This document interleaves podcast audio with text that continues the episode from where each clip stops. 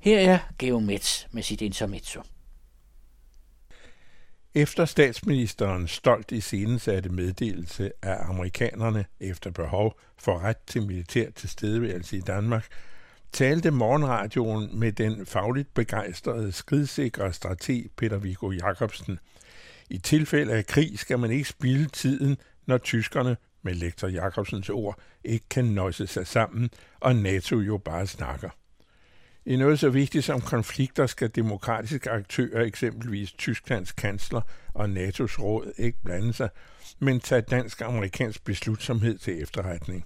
Jakobsen og journalisterne glemte i skyndingen at forholde sig til den historiske betingelse for efterkrigstidens våbenteknologiske virkelighed, set i lyset af den ellers tryghedssøgende statsministers beslutning og dermed Danmarks nye opgradering som oplagt mål for taktiske atombomber eller bare en stor. Man overser lidt småting, når man deponerer sin vaklende historiebevidsthed i uberettiget overmod.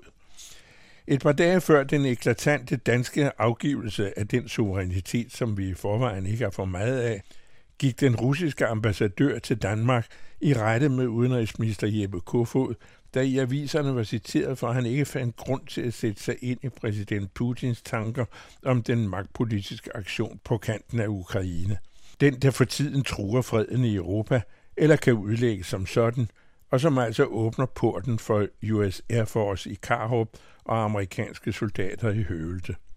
Kofod angreb Putin som uansvarlig eneansvarlig for krisen, at interessere sig for baggrunden for Putins handlinger, der ud fra vidt forskellige holdninger, eksempelvis Dansk Folkepartis Marie Krarup og enhedslistens Eva Flyholm synes ved at dvæle ved, betegnedes af den uforfærdede udenrigsminister som historieløshed. Ifølge Kofod skal man ikke forsøge at forstå Putins motiver. Der er ikke noget at forstå, forstår man. Hvordan det hele ender, ved vi af gode grunde ikke. Om det overhovedet ender, eller Rusland blot opretholder spændingerne med henblik på, ja på hvad? At få indblik i en sådan hensigt forudsætter, at man analyserer og debatterer motiverne bag sådanne handlinger, der i givet fald opfylder hensigterne, eller som fører til krig, hvis væbnet vold er motiv og hensigt på trods af rationalet og lektor Jacobsens fornemmelser for det modsatte. Som følge af historisk erfaring for, at ting går galt, kan krig ikke udelukkes. Men vi kender ikke motiverne, og skal ifølge udenrigsministeren heller ikke interesseres for dem, da motivanalyse på Kofods staveplade er udtryk for historieløshed. Baggrunden for politikers tanker og handlinger, også Jeppe Kofods, er ellers almindeligvis af elementær interesse. Dermed ikke sagt, at man nødvendigvis skal acceptere Jeppe Kofods tankegang og motiver, eller at Jeppe Kofod i den forståelse for russernes motiver, han ikke finder ulejligheden værd, bør bøje sig for pression eller for noget, han ikke kan acceptere. Men alene forsøget på at begribe andres baggrund og motiv medfører, at man også må gøre sig sine egne motiver klare og begribe dem. Historieløshed, som Kofod advarer imod, viser sig sjældent i forsøg på at forstå, snart det modsatte. I Putins tilfælde bør det vække til udenrigsministeriet eftertanke, at Rusland siden Karl den 12. er blevet invaderet og delvist lagt øde af vesteuropæiske magter yderligere fire gange – denne historiske ihukommelse synes en mangelvare i dansk strategi og politik med statsminister og udenrigsminister robust i front. Når regeringen næsten betingelsesløst inviterer amerikanerne til landet, skyldes det angivelige ønsket om at beskytte og betrygge. Danmark er i det store hele umuligt at forsvare. Øerne måske et par dage, men ikke Jylland. I den forstand ligner Danmark Rusland, bortset fra dimensionerne.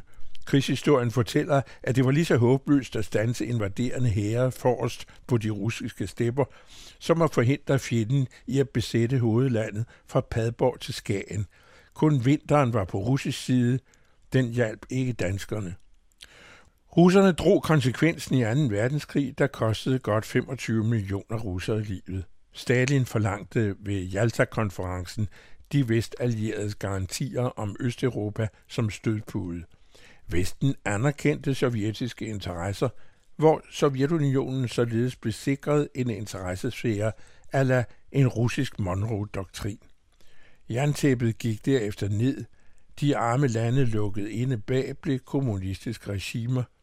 Efter 1989 ændredes grundlaget i Østeuropa. Men reelt er den geopolitiske virkelighed den samme, hvorvidt det er Peter den Store, Stalin, Putin eller Anders And, der regerer.